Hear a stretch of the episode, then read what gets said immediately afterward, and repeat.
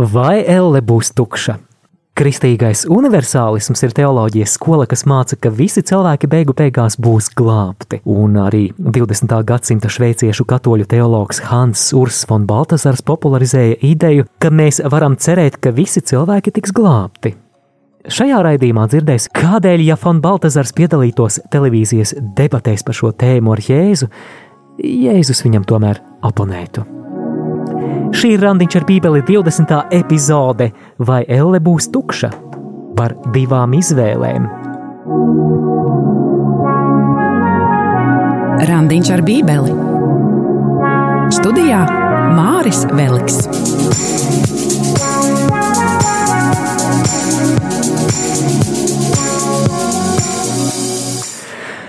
Esiet sveicināti, darbie randiņa ar Bībeli klausītāji! Esiet sveicināti, Bībeles lasītāji! Patiešām Māris Veliks šeit pie mikrofona. Jūs esat vislabākie klausītāji pasaulē. Tu esi lielisks! Tu esi lieliska. Ziniet, ka Dievs jūs ļoti, ļoti mīl. Vienkārši Dievs ir par tevi sajūsmā, klausītāji. Un eh, es esmu sajūsmā par iespēju tikties ar tevi katru nedēļu šajā Bībeles studiju raidījumā. Un eh, šodien mums tāda jubileja sanāk. Jā, mums šoreiz 20. epizode. Tad nu svinēsim kopā, un vēl viens svinību iemesls noteikti ir tas, ka mēs šajā raidījumā arī noslēdzam studēt Kalnas prediķi Mateja evaņģēlijā, jo Kalnas prediķī mēs esam pavadījuši vismaz piecas nedēļas. Un tad no šoreiz mēs noslēgsim ar Mateja evaņģēlija fragmentu 7. nodaļā no 13. līdz 29. pantam. Šis būs Kalnas prediķa noslēgums. Ja gadījumā nedzirdēju iepriekšējās epizodes, tad droši meklē tās arhīvā, un, ja atzīstat tos raidījumus par vērtīgiem, tad droši arī padot tālāk draugiem. Bet šajā brīdī es aicinu nākt Dieva priekšā, lai Dievs mūs vada šī raidījuma laikā. Dieva tēva un dēla un svētā gara vārdā Āmen! Svētais gars, mēs lūdzam, lai šis raidījums būtu tavs darbs. Svētais gars, es lūdzu, lai tu šo laiku, ko mēs pavadām Mateja evaņģēlijas studijās, dari par pārdabisku laiku. Kungs, dari savus brīnumu darbus mūsu sirdīs, mūsu dzīvēs, uzrunā mūs.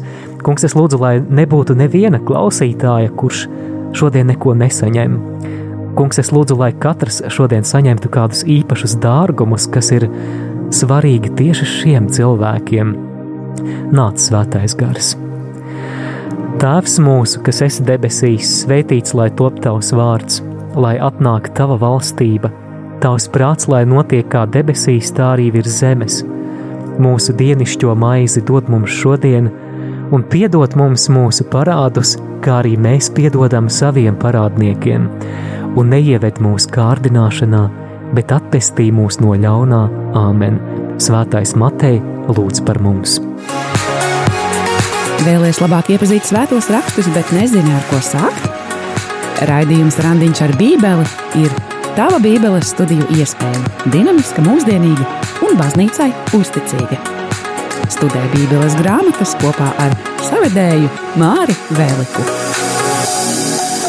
Klausāmies šodienas fragment Mateja evaņģēlijas 7. nodaļa no 13. līdz 29. pantam. Edmund?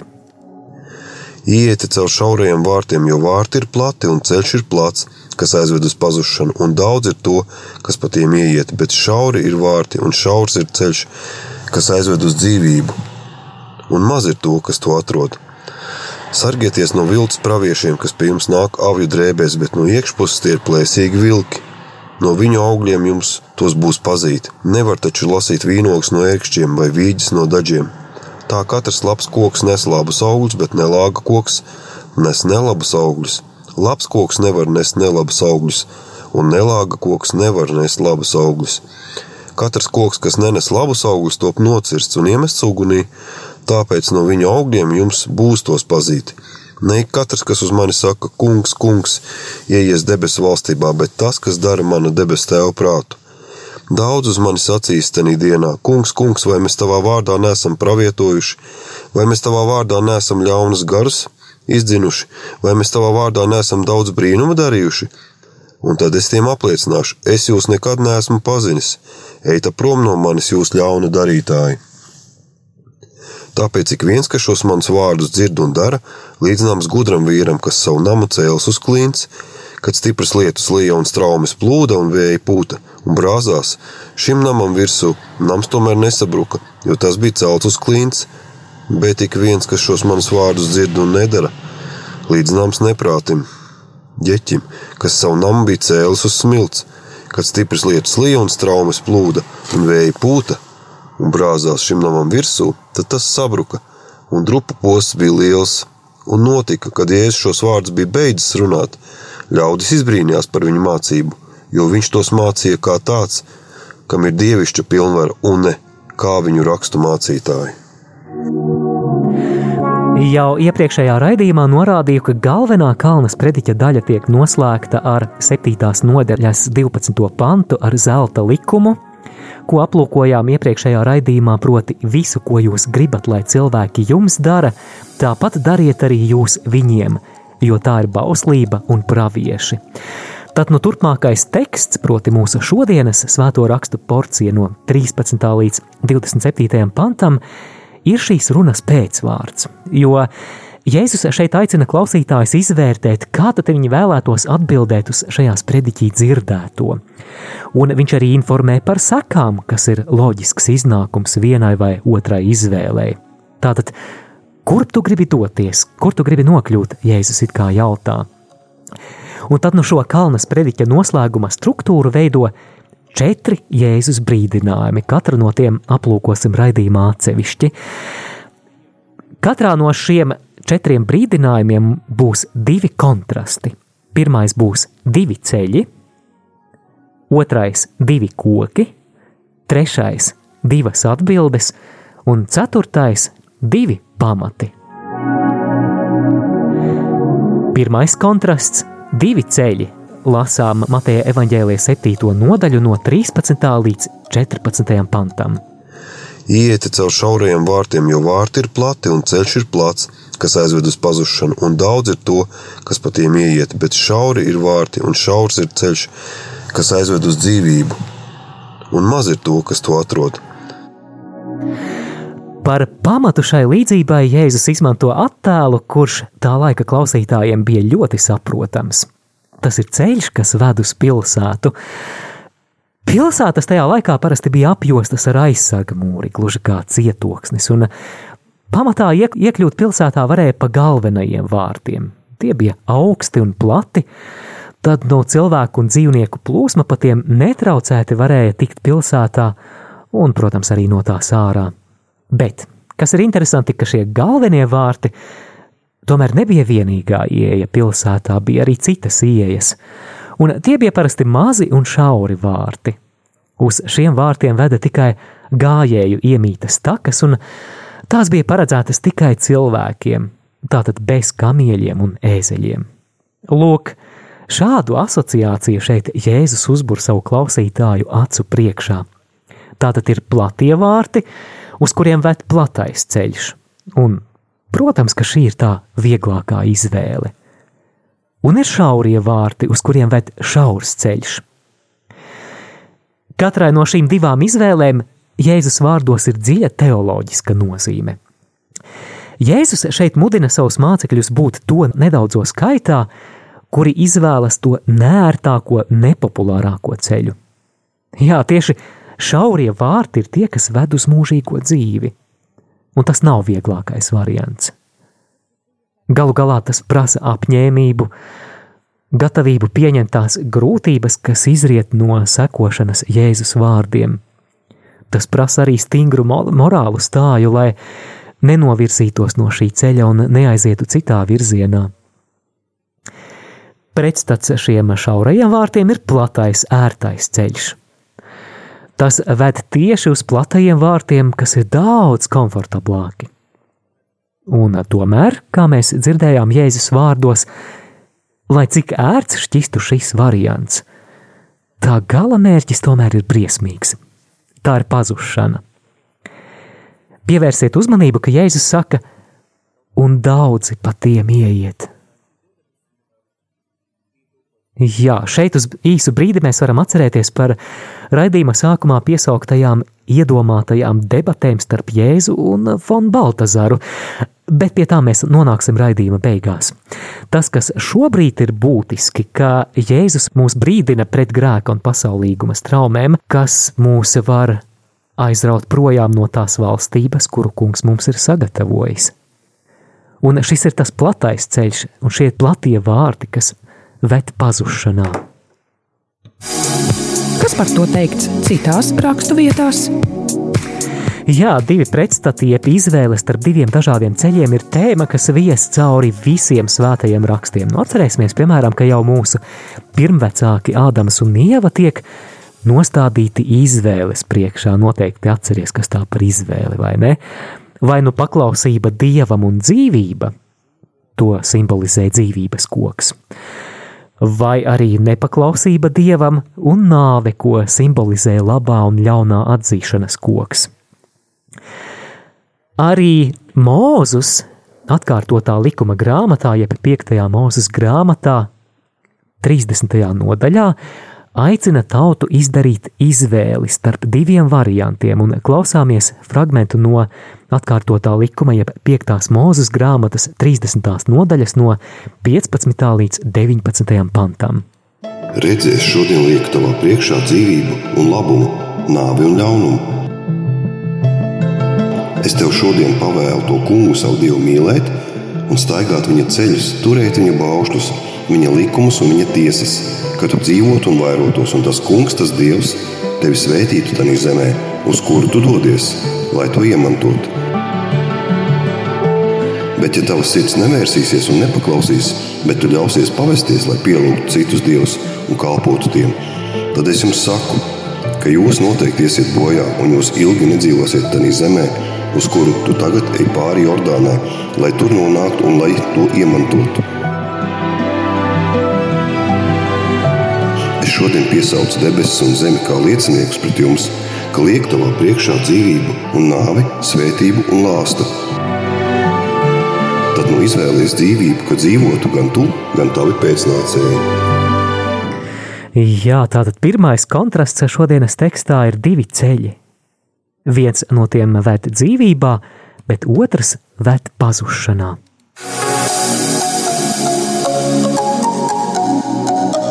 Skan Randiņš ar Bībeli. Otrais kontrasts šodienas tekstā ir divi koki, un par to lasām no 15. līdz 20. pantam.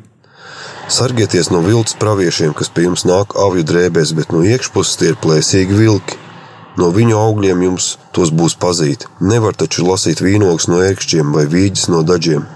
Tā katrs labs koks nes labus augļus, bet nelāga koks nes nelabus augļus. Labs koks nevar nest nelabus augļus, un nelāga koks nevar nest labus augļus. Katrs koks, kas nenes labus augļus, top nocirsts un iemests ugunī, tāpēc no viņa augļiem jums būs tos pazīt. Arī šis kontrasts, šī līdzība par diviem kokiem ir saistīts ar mūsu atbildi uz Jēzus vārdiem. Vai nu mēs sakojam Jēzus mācībai, vai arī ļaujam, ka mūs no šī šaurā dzīvības ceļa novērš viltus pravieši. Un Jēzus šeit aicina mūs nebūt naiviem.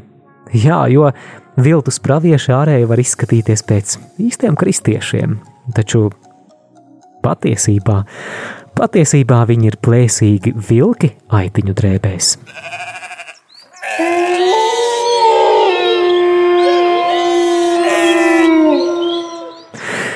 Jēzus brīdina, ka viltus pravieši būs arī baznīcas iekšienē. Bet šeit varētu jautāt, ja jau ārēji viņi ir tik grūti identificējami, tad galu galā kā tos atpazīt. Un tad nu vēlreiz klausāmies no 16. līdz 20. pantam, un šoreiz lasīšu no jaunā, jeb 2012. gada tulkojuma. Tātad jūs viņus pazīsiet pēc augļiem. Vai tad kāds lasa vīnogas no ērkšķiem vai vīģes no dažiem. Tā katrs labs koks nes labus augļus, bet nelāks koks nes sliktus augļus. Labs koks nevar nest sliktus augļus, nec nelāga koks labus. Ikvienu koku, kas nenes labus augļus, nocērt un iemet ugunī. Tātad pēc viņu augļiem jūs tos pazīsiet. Tātad mums viltus pravieši ir jāizvērtē pēc viņu augļiem. Galu galā līdzīgs rada līdzīgu. Tātad, ja viņu rīcība un sludināšana nes labus augļus, kā vīnogas un vīģes, tad tie ir labi pravieši. Ja ir pretēji, ja tie nes sliktus augļus, tad mēs varam zināt, ka šis ir slikts koks. Un Jēzus šeit precīzāk nepasaka, kas īsti ir labi un slikti augļi, bet, bet atšķirsim citas Mateja evaņģēlija lapuses, un paskatīsimies, vai mums ir kādas norādes citur šajā evaņģēlijā, kas tad varētu būt tie labie vai tieši pretēji slikti augļi. Un tā atcerēsimies, ka par augļiem mēs patiesībā jau dzirdējām Mateja evaņģēlija trešās nodaļas astotajā pantā, kad bija stāsts par Jāni Kristītāju, un atcerēsimies, ka tur bija runāts par atgriešanās augļiem. Atgriešanās augļi Tātad varētu teikt, ka runa šeit ir par rīcību, kas atbilst dieva gribai. Ja mēs šķiram tālāk uz Mateja evaņģēlija 12. nodaļu, tad šeit ir runāts par vārdiem, ko mēs runājam. Tātad par runu. Un lasu 34. pantu 12. nodaļā: Koku taču pazīst pēc augļiem. Jūs čūsku dzimums, Kā jūs varat runāt labu, būdami ļauni, jo no pārpilnas sirds mute runā. Tātad iespējams, ka Jēzus šeit runā gan par rīcību, gan par vārdiem, kas atbilst evaņģēliem. Tātad rīcība un vārdi, kas atbilst vai nu neatbilst evaņģēliem. Un šeit tāda neliela vēsturiska atkāpīte. Pasaules vēsturē, ja mēs papētītu, ir bijuši ļoti jocīgi un pat ļoti traģiski viltus praviešu darbošanās paraugi, kur tagad, ja mēs vēstures annālēs ielūkojamies, tad sliktie augļi tur ir gluži kā uz paplātes redzami. Es minēšu vienu ļoti ekstrēmu un, un pat ļoti traģisku gadījumu no 20. gadsimta 70. gadiem. Tas ir stāsts par tādu pravieti Džimu Džonsu. Viņš bija amerikāņu kulta līderis, kurš dibināja reliģisku organizāciju Tautas templis. Viņi pat pārvācās dzīvot uz džungļiem Gajānā, Dienvidamerikā, kur dibināja pilsētu Jonestownu, nu, protams, par godu Džimam Džonsam. Kā nu citādāk. Un kā jau šādos ekscentriskos gadījumos tam piestāv būt, tad daudzi Jonestownas iedzīvotāji piedzīvoja izmantošanu. Un galu galā šis traģiskais reliģiskais eksperiments beidzās ar to, ka Džims Jones pamudināja kopienas locekļus uz masveida pašnāvību 1978. gadā. Un tad bojā gāja vairāk nekā 900 cilvēku, un, protams, arī pats Džims Jones. Traģiski un pretīgi. Koku būs pazīt pēc augļiem. Pasaules un kristietības vēsturē ir daudz citu bēdīgu piemēru viltus praviešiem, un daudzi no tiem ir kliedzošāki gadījumi, citi ne tik viegli manāmi. Bet, dārgo klausītāji, šajā epizodē es negribu, lai mēs šodien fokusējamies uz tiem sliktajiem kokiem un sliktajiem augļiem. Galu galā atcerēsimies arī par labajiem kokiem, kuri nes labus augļus, jo ir tik daudz svēto, ir tik daudz pāvestu, konsekrēto ļaužu, misionāru, laju, kuri savā kalpošanā viņi noteikti bija pravietiski, un atšķirībā no tiem sliktajiem kokiem viņi nesa labus augļus. Viņi bija uzticīgi baznīcai, viņi gāja svētuma ceļu un iedvesmoja uz to citus. Viņi izvērsa žēlsirdības kalpošanu, viņi sludināja evaņģēliju, kā rezultātā cilvēki atgriezās un tā tālāk un tā tālāk. Skatieties, piemēram, Svētais Francisks jau sen ir mūžībā, bet viņa kalpošana pat šodien turpina iedvesmot un nest labus augļus. vai Kalkutas māte Terēze. Viņa jau kādu laiku slavēja Dievu debesīs, bet viņas māsas, žēlsirdības misionāres un arī pārējie līdzstrādnieki turpina nest labos augļus, kas kaut kādā ziņā ir Kalkutas Terēzes mantojums. Jā, mēs varam būt arī pateicīgi, ka mums šeit Latvijā, Rīgā, Maskačkā arī žēlsirdības misionāres dara ļoti, ļoti labu un svētīgu darbu. Tad, nu, lai Dievs stiprina mūs, lai mēs nesam labus augļus.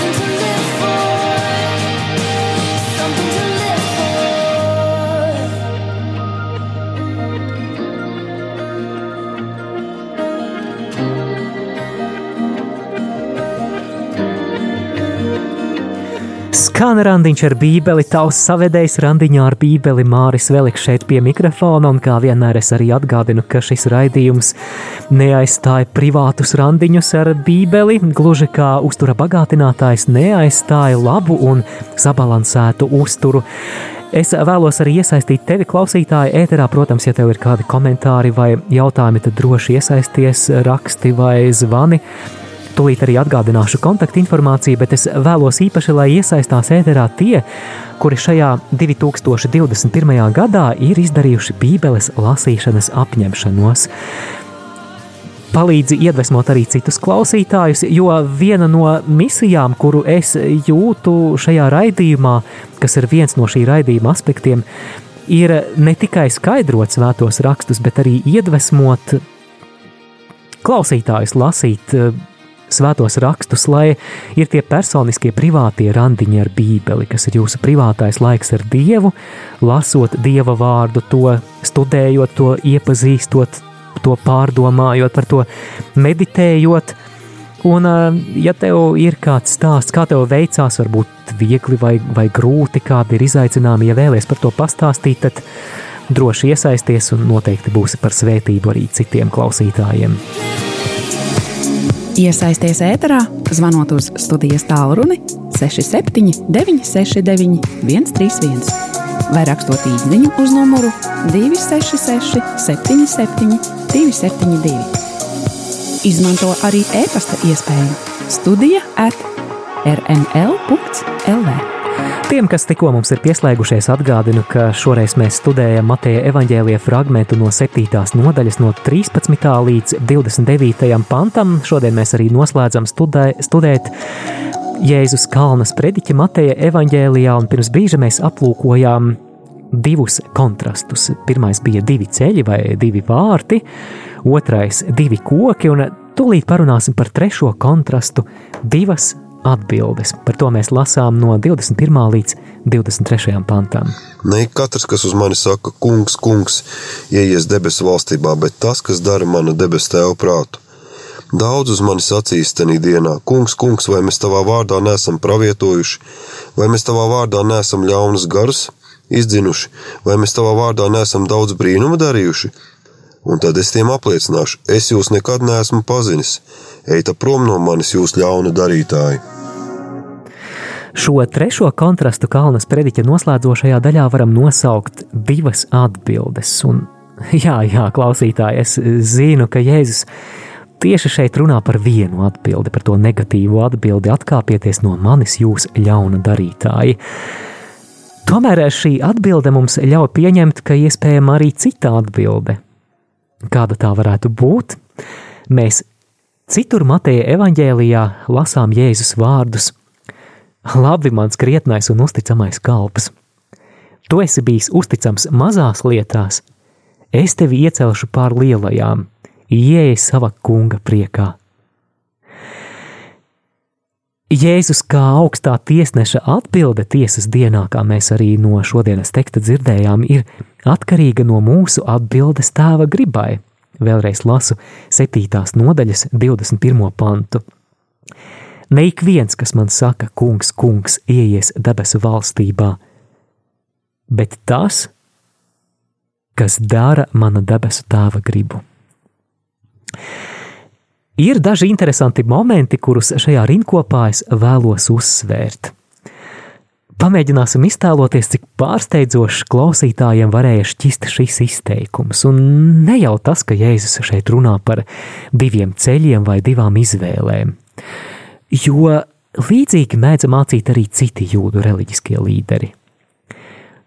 Pārsteidzošais šeit ir tas, ka Jēzus šeit runā par sevi kā par pasaules tiesnesi pēdējā dienā, pēdējā tiesas dienā.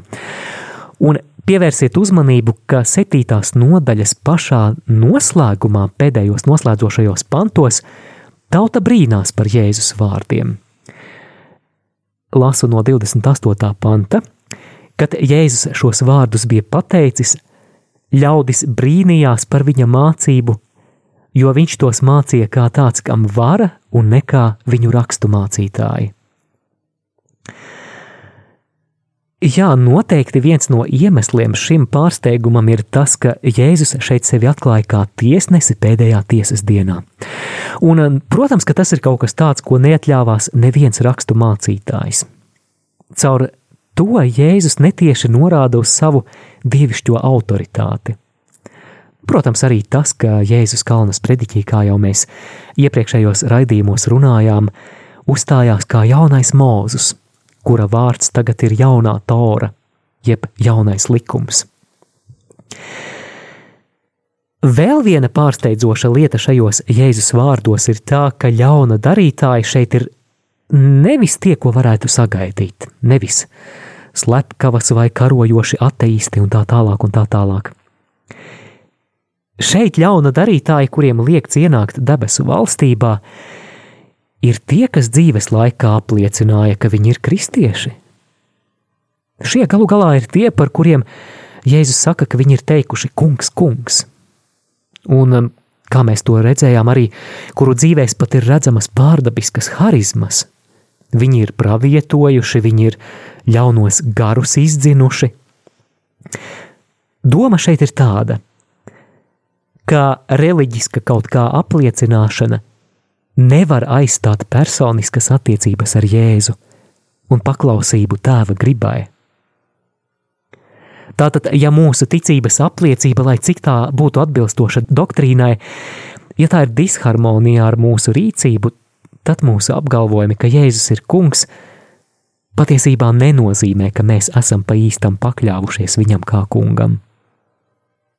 Nu, labi, bet eh, kā ir ar tām harizmātiskajām dāvanām, kāds varētu jautāt, vai, vai tas, ka viņi pravieto, ka viņi izdzen dēmonus un ka viņi dara brīnumu darbus, vai tas neliecina, ka šie ir dieva cilvēki? Jo varētu izklausīties tā, ka šeit Jēzus it kā atraida savējos. Es eh, atbildēšu uz šo jautājumu šādi. Protams, harizmātiskās dāvanas ir svarīgas mūsu kristīgajā kalpošanā, bet, bet kā mēs redzam no šīs rakstu vietas, tās var arī nebūt liecība tam, ka cilvēks ir pareizās attiecībās ar Dievu, ka viņš ir izlīdzis ar Dievu. Kāpēc? Un šeit ir nepieciešama atkāpīte, lai, lai paskaidrotu, ko katoliskā baznīca māca par žēlastību. Plašākā nozīmē ik viens labums, ko Dievs mums nepelnīti dāvā, ir žēlastība, jeb grieķu valodā haris. Šajā nozīmē arī harizmātiskās dāvanas ir žēlastība. Šeit ir eh, minēta, kā jau mēs dzirdējām, pravietošana, dēmonu izdzīšana un brīnumu darīšana, bet katoliskās baznīcas mācībā tiek nošķirti dažādi žēlastību veidi. Harizmātiskās dāvanas nav tā žēlastība, kas Jēzus Kristus nāves un augšām celšanās dēļ dara mūs par Dieva bērniem, par attaisnotiem viņa priekšā un tādējādi gataviem ienākt mūžīgajā dzīvēm.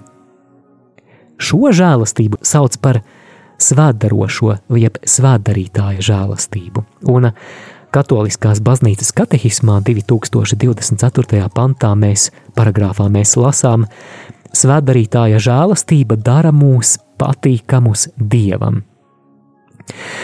Tātad vēlreiz, katoliskajā tradīcijā šī svētdarošā žēlastība ir kaut kas cits nekā žēlastības, kas atklājas caur brīnumu darbiem, kā pravietošana vai eksorcisms. Šīs harizmātiskās dāvanas arī ir dieva dāvana.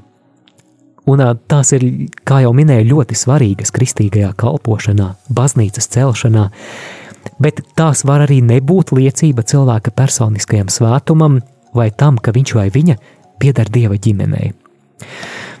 Ja vēlaties vairāk palasīt par dažādiem žēlastības veidiem, tad noteikti iesaku izlasīt Katoliskās baznīcas katehisma 2003. paragrāfu. Tur būs gan par šo svētdarītāja žēlastību, gan par šīm harizmātiskajām dāvanām. Noslēdzot par šo trešo pretstatu, par divām atbildēm, mazliet tāds gandrīz vai kristīgais melnais humors par tēmu, ka ne visi, kas saka kungs, kungs, ieies debesu valstībā no literatūras vēstures tāds fakts, ka, starp citu, renesanses dzinieks Dante Alighieri savā dievišķajā komēdijā, vai ziniet, ko viņš ievietoja Elles sastajā lokā? Pāvestu Anastāziju II. Jā, viduslaikos šis nabaga pāvests Anastāzijas II tika nereti uzskatīts par katoliskās baznīcas nodevēju un atkritēju, tika uzskatīts, ka viņa darbība ir veicinājusi Laurenciāna herēzijas izplatīšanos baznīcā, bet eh, klausītāji, šī atkāpe tā ir tāda neliela ekskursija renesanses laikmeta literatūrā, bet noteikti, noteikti nav jāņem vērā nopietni teoloģiski, jo baznīca nekādā ziņā neizsaka spriedumus par to, kuri cilvēki tad ir ellē un, un kuri nav. Iespējams, ka mēs debesīs būsim pārsteigti tur redzēt tos, kuriem tur it nemaz nepiestāv būt. Mums ir zvans ēterā, lūdzu. Halo, klausāmies jūs! Nu jā, klausītājs neskāpēc negribēja runāt. Dodamies mūzikas pauzē un par ceturto pretstatu šajā tekstā par diviem pamatiem parunāsim pēc dziesmas.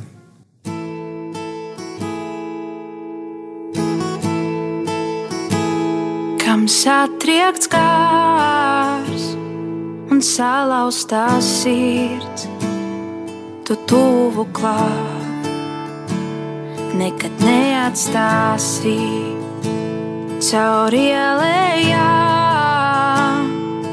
Mani tu nes, es neesmu viens, tu esi man klāt kam satriekts kārs un salauztā sirds, tu tuvu klāt, nekad neatstāsi cauri ielējām, mani tu nes. es neesmu viens, tu esi man klāt. Tuvojos es tev, man tuvojies tu, tuvojies tu.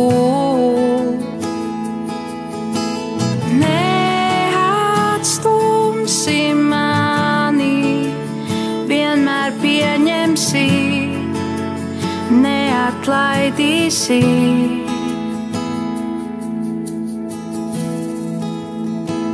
Pie manis nācijāt, kam noskumīs prāts, es atvieglošu un dziedināšu. Es patvērums stiprāk līdz mani bērni jūs, es jūsu tēvs.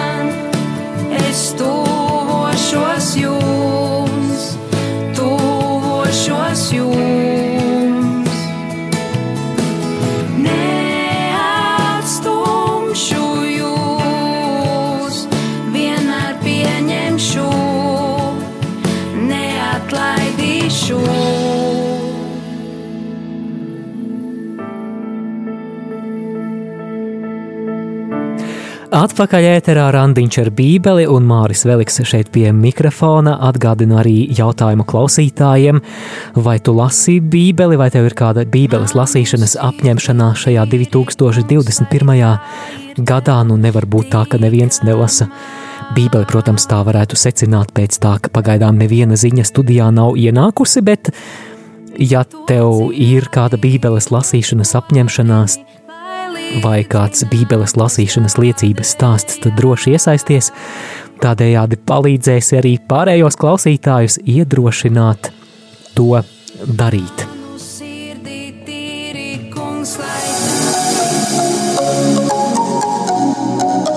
Skan randiņš ar bībeli.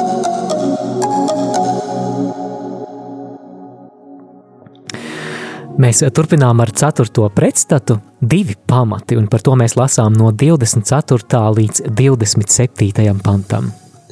Tāpēc ik viens, kas šos manus vārdus dzird un dara, līdzināms gudram vīram, kas savu namu cēlis uz klints, kad stipras lietus lija un straumes plūda un vēja pūta un brāzās, šim namam virsū nams tomēr nesabruka, jo tas bija celts uz klints, bet ik viens, kas šos manus vārdus dzird un nedara, līdzināms neprātim, ģeķim, kas savu namu bija cēlis uz smilts, kad stipras lietus lija un straumes plūda un vēja pūta un brāzās šim namam virsū, tad tas sabruka, un drupu posts bija liels. Galvenais prediķis Jēzus noslēdz ar līdzību par diviem pamatiem, par labiem pamatiem un par sliktiem pamatiem. Un arī šis pretstats runā par diviem dažādiem veidiem, kā mēs pieņemam Jēzus mācību. Te ir ietverts aicinājums būvēt savas dzīves pamatus drošā pamata, kas ir Jēzus vārdi. Vēlreiz fragments. Tad nu ik viens, kas šos manus vārdus dzird un dara, ir līdzināms saprātīgam vīram, kas savu namu būvējis uz klints. Visdrīzāk konteksts ir saistīts ar iepriekšējā rindkopā teikto par pēdējo tiesu, kurā tiesnesis būs Jēzus. Viņš izvērtēs, vai evaņģēliju savā dzīvē mēs esam ņēmuši par savas dzīves pamatu, vai arī tikai par informāciju, kas dara mūs gudrākus, erudītākus. Atšķirība tātad ir tajā, vai mēs rīkojamies saskaņā ar Jēzus vārdiem, vai arī nē. Līdzīga doma arī Jēkaba vēstulē, 1. nodaļā, 22. pantā. Topiet par vārda darītājiem, nevis tikai klausītājiem, kas paši sevi pieviļ. Jēzus par pamatu šai līdzībai lieto ziemas lietu sezonu Palestīnā, kad naids pūst stipri vēji, līt lietus un šis lietus piepilda ieplakas un tur veidojās traumes šo lietus gāžu rezultātā, un tās var veicināt arī zemes iežu koroziju, tās izgrauž arī šīs ieplakas un, un gravas, un tāpēc, ja māja ir uzcelta uz smiltīm, tad sekas var būt sliktas. Un, ja vien šī nama struktūra nav balstīta klintī, tad jārēķinās ar iespēju, ka māja var sabrukt. Nu, gluži kā tajā pasakā par trim siventiņiem un vilku. Atceramies, ka Nifs, Nifs un Nafs, Nafs uzbūvēja švakas mājas, un vilks nāca un pūta, un namiņi sabruka. You know?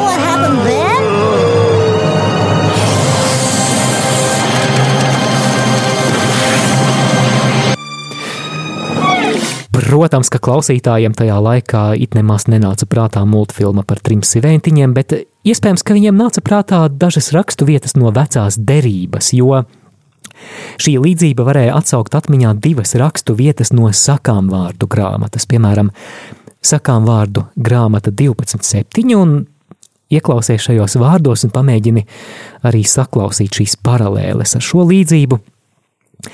Tur ir teikts, apgāsti ļaundari un pagalam, bet taisno nams stāvēs.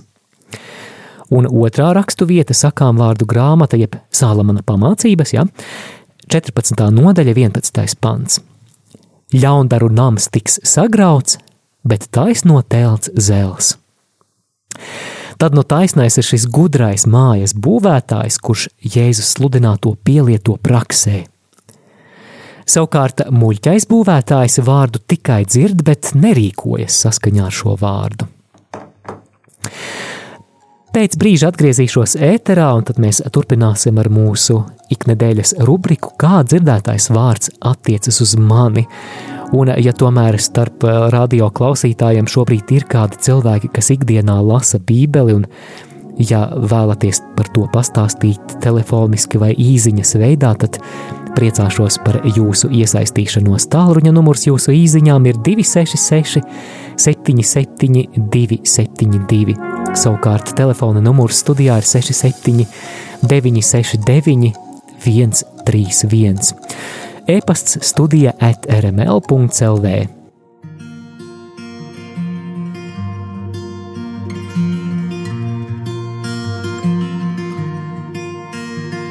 Sister, let me wipe your tears.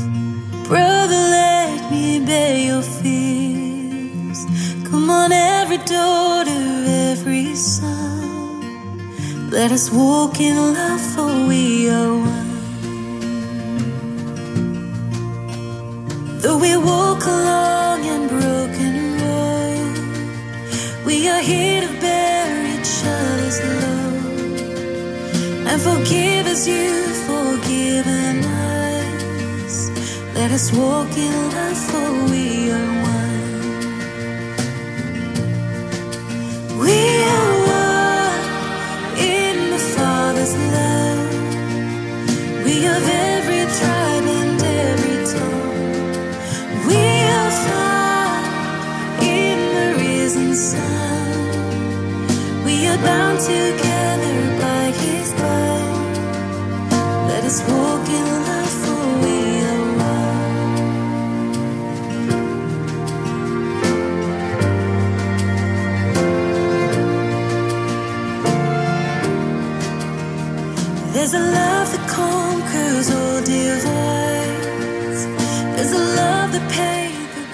Mums ir zvans ēterā, lūdzu. Lai slavēts Jēzus Kristus. Mūžīgi mūžam slavēts. Jā, es pēc, pēc nu, šiem klausīt, klausītājiem, klausīt tiem, šiem raidījumiem, kuri ir tiešām ļoti, ļoti uzrunājuši un jauki, un pēc jūsu ieteikuma, kad vajag lasīt bībeli, es vispār, nu, kādreiz esmu tā, starp citu lasījusi, ko var teikt, nu, neesmu lasījusi. Jā. Es iesāku ar jauno derību pēc jūsu ieteikuma. Un tagad esmu tikusi līdz Jāņa evaņģēlī 20. nodaļai. un jo tālāk tieku, jo interesantāk liekas. Brīnišķīgi. Un, nu, katrā ziņā es ļoti pateicos par šo raidījumu, un, un viņš tiešām iedrošinājis. Un, un, tā kā jūs teicāt, gada laikā var izlasīt, ja katru dienu pa vienai nodaļai lasa. Nu, vasarā noteikti būs mazāk laika, Jā. bet nu, tagad es cenšos tad arī kādu nodaļu varbūt vairāk nekā vienu dienu. Oh, pateicība Dievam. Katrā ziņā ļoti, ļoti sirsnīgi jums pateicos par šo raidījumu. Viņi ļoti uzrunājuši. Pāris raidījumus nokavēju, bet tagad gan cenšos atcerēties un ieslēgt pulksteņus četros radio. Paldies! jums liels! Paldies jums liels! Dārgo klausītāji, ja arī tev ir jaunā gada Bībeles lasīšanas apņemšanās, tad droši arī seko klausītājas priekšzīmē un pastāsti arī pārējiem klausītājiem. Mums ir vēl zvans studijā, lūdzu. Lai tu slavēts Jēzus Kristus. Mūžīgi mūžam slavēts. Es no, no puses sāku klausīties jūsu raidījumu. Un jums liels, liels paldies. Liels, liels paldies, Dievs jums maksā. Un es esmu jau izlasījis no pirmā datuma sāku līdz er, Ezras grāmatai. O, Man- jūs esat ve veco derību lasāt, Jā, no, pir, no pirmās lapas sakot. Ah, bet, bet tik daudz esat izlasījusi. Bet es esmu ļoti veca un, man, un es, es būtu vien dzīvoju un, un ta, man tas ir darbs. Ir. Jā, Un es daudz, daudz ko nesaprotu, bet es esmu pēc kārtas, bet daudz arī ko saprotu, jo es visus raidījumus skaitos jūsu, ko Jā. es, un tā kā man liels, liels paldies, tik varu pateikt. Jā. Un lasīšu līdz kamēr būs varēšu. pateicība Labi, Dievam. Paldies. Paldies jums! Paldies jums! Jā, nu, paldies jums! Tiešām mani tas iedrošina un mani tas iedvesmo.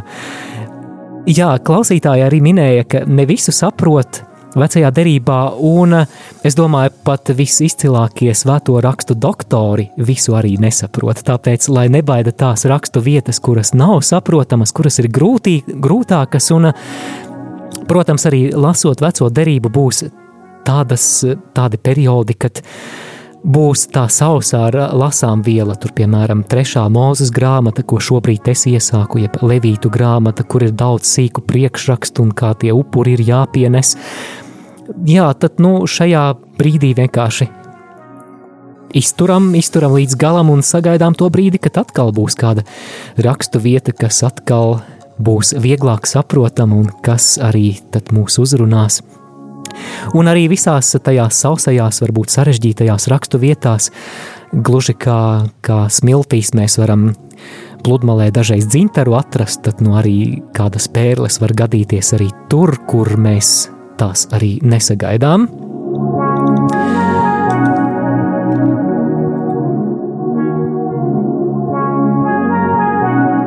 Kā dzirdētais attiecas uz manu dzīvi?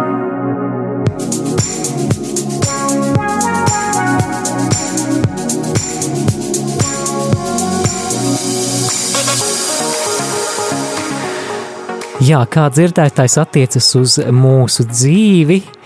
Šeit, šajā rubrikā, es vēlos atgriezties pie jautājuma raidījuma ievadā. Vai elle būs tukša? Un atgriezīsimies arī pie Hansa Ursa von Baltazara, šī šveiciešu teologa, kurš popularizēja ideju, ka mēs varam cerēt, ka visi cilvēki tiks glābti. Kādēļ tad, manuprāt, ja von Baltazars piedalītos televīzijas debatēs par šo tēmu ar Jēzu, manuprāt, Jēzus viņam tomēr oponētu? Tādēļ, ka, manuprāt, mums ļoti nopietni ir jāņem vērā vārdi, Jēzus vārdi, kurus mēs šodien dzirdējām. Ieiet pa šaurajiem vārtiem, jo plati ir vārti un plats ir ceļš, kas ved pazušanā, un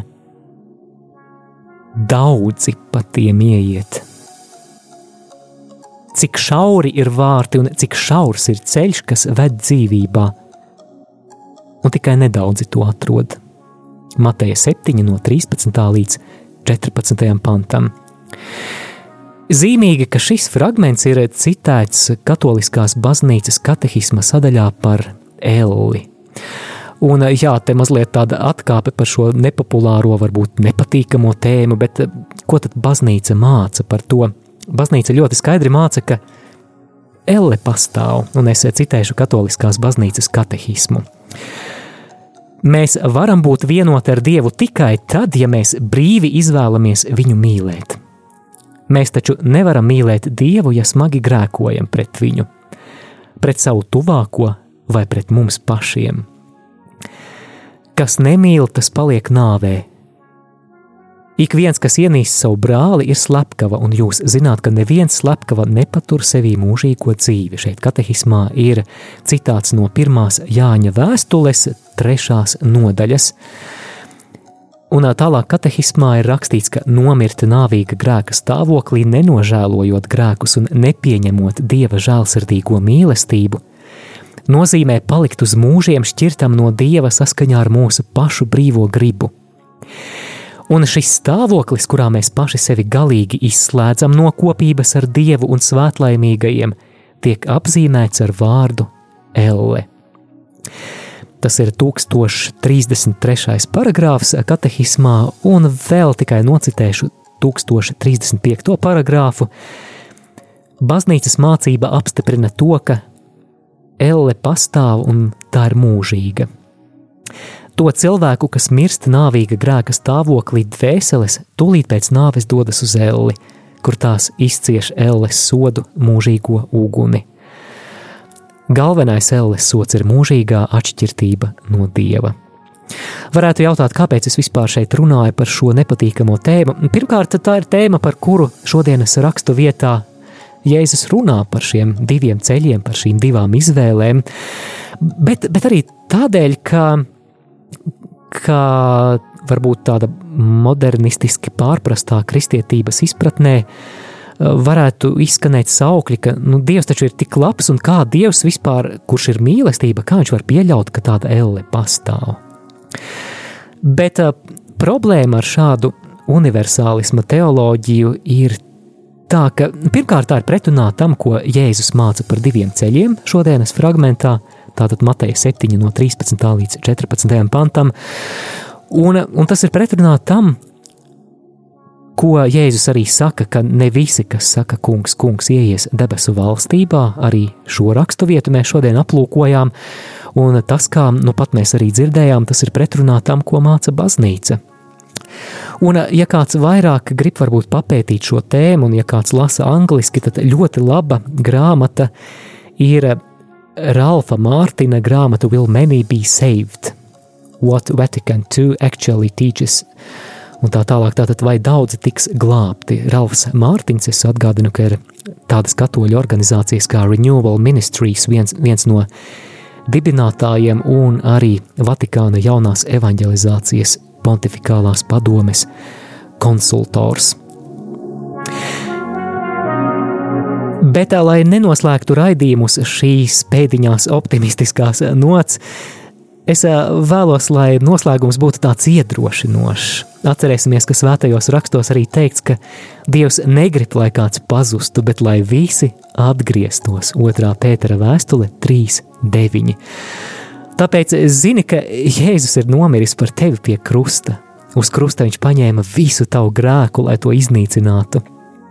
Trešajā dienā Jēzus augšām cēlās, un Dievs tevi ļoti, ļoti mīl, un Viņš ir devis tev visu, lai tu tiktu glābts no grēka varas un mūžīgās pazušanas. Jā, Dievs ir dibinājis šo ģimeni, šo lielo ģimeni, baznīcu, kurā aicina tevi. Viņš ir dibinājis sakramentus, caur kuriem tavā dzīvē var plūst žēlastības. Mums ir izlīkšanas sakraments, kurā mēs saņemam grēku piedošanu, mums ir evaharistija, Jēzus miesa un asinis, kas mūs pabaro, mums ir kristības sakraments. Jā, Dievs ir izlējis svēto garu, un Viņš vēlas to dāvāt tev katru dienu, un tā ir dzīve ar jēgu un cerību. Un jā, tas nav viegls ceļš. Tas ir šis šaurais ceļš, par kuru mēs šodien runājām. Vārti ir šauri, bet Beigās, kā mēs dzirdējām, ir dzīvība ar lielo burtu, un tas ir tā vērts. Dievs ir ļoti, ļoti labs. Dažas klausītāju īsiņas, kas eh, sasniegušas studiju, jā, vispirms dosim vārdu zvanītājam, lūdzu. Tā no nu, rekā nesagaidīja zvanītājs. Gunta raksta, pēc kāda plāna labāk lasīt Bībeli. Īsa atbilde būtu tāda, ka mēs izvērtējam katras savas iespējas, vai tā ir kāda mazāka Bībeles porcija, ko mēs varam paņemt, vai arī tas ir kaut kas vairāk. Jo, kā arī mums zvanītāja teica, ka viņa lasa jauno derību, un eh, gada laikā jauno derību var izlasīt lasot apmēram vienu nodaļu dienā. Savukārt, ja vēlaties izmēģināt gada laikā izlasīt visu Bībeli, proti, gan veco, gan jauno derību, tad internetā droši varat pameklēt lasīšanas plānus. Nav tāda sliktāka vai labāka plāna. Arī mēs izvēlamies pēc savas gaumes, pēc savām vajadzībām, vai tas ir chronoloģiskais plāns, kur šīs grāmatas un teksti ir sakārtoti chronoloģiskā, ja tādā vēsturiskās attīstības secībā, vai tas ir kāds plāns, kur, piemēram, ir divas nodaļas no vecās derības un viena nodaļa no jaunās derības, ja vēlaties tā mazliet ar jauno derību atsvaidzināt arī to bībeles lasīšanu visa gada garumā. Apmēram tā. Tad vēl viena īsiņa Janīna raksta – Paldies par raidījumu! Iepriekšējā gadā lasīju svētos rakstus. Esmu sākusi daudz lūgties ar svētajiem rakstiem. Pietrūkst laika, bet ir liela vēlēšanās atsākt svēto rakstu lasīšanu un pārdomāšanu. Paldies! Paldies, Janīna! Bet šajā brīdī tad raidījumu noslēdzam ar pateicības lūkšanu gods lai ir tēvam un dēlam un svētajam garam, kā tas no iesākuma ir bijis tā tagad un vienmēr un mūžīgi mūžam. Āmen!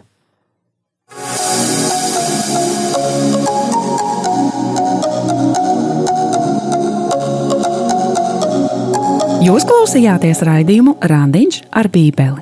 Savas atsauksmes, ieteikumus un jautājumus sūtiet uz e-pastu Randiņš ar Bībeli at gmail.com.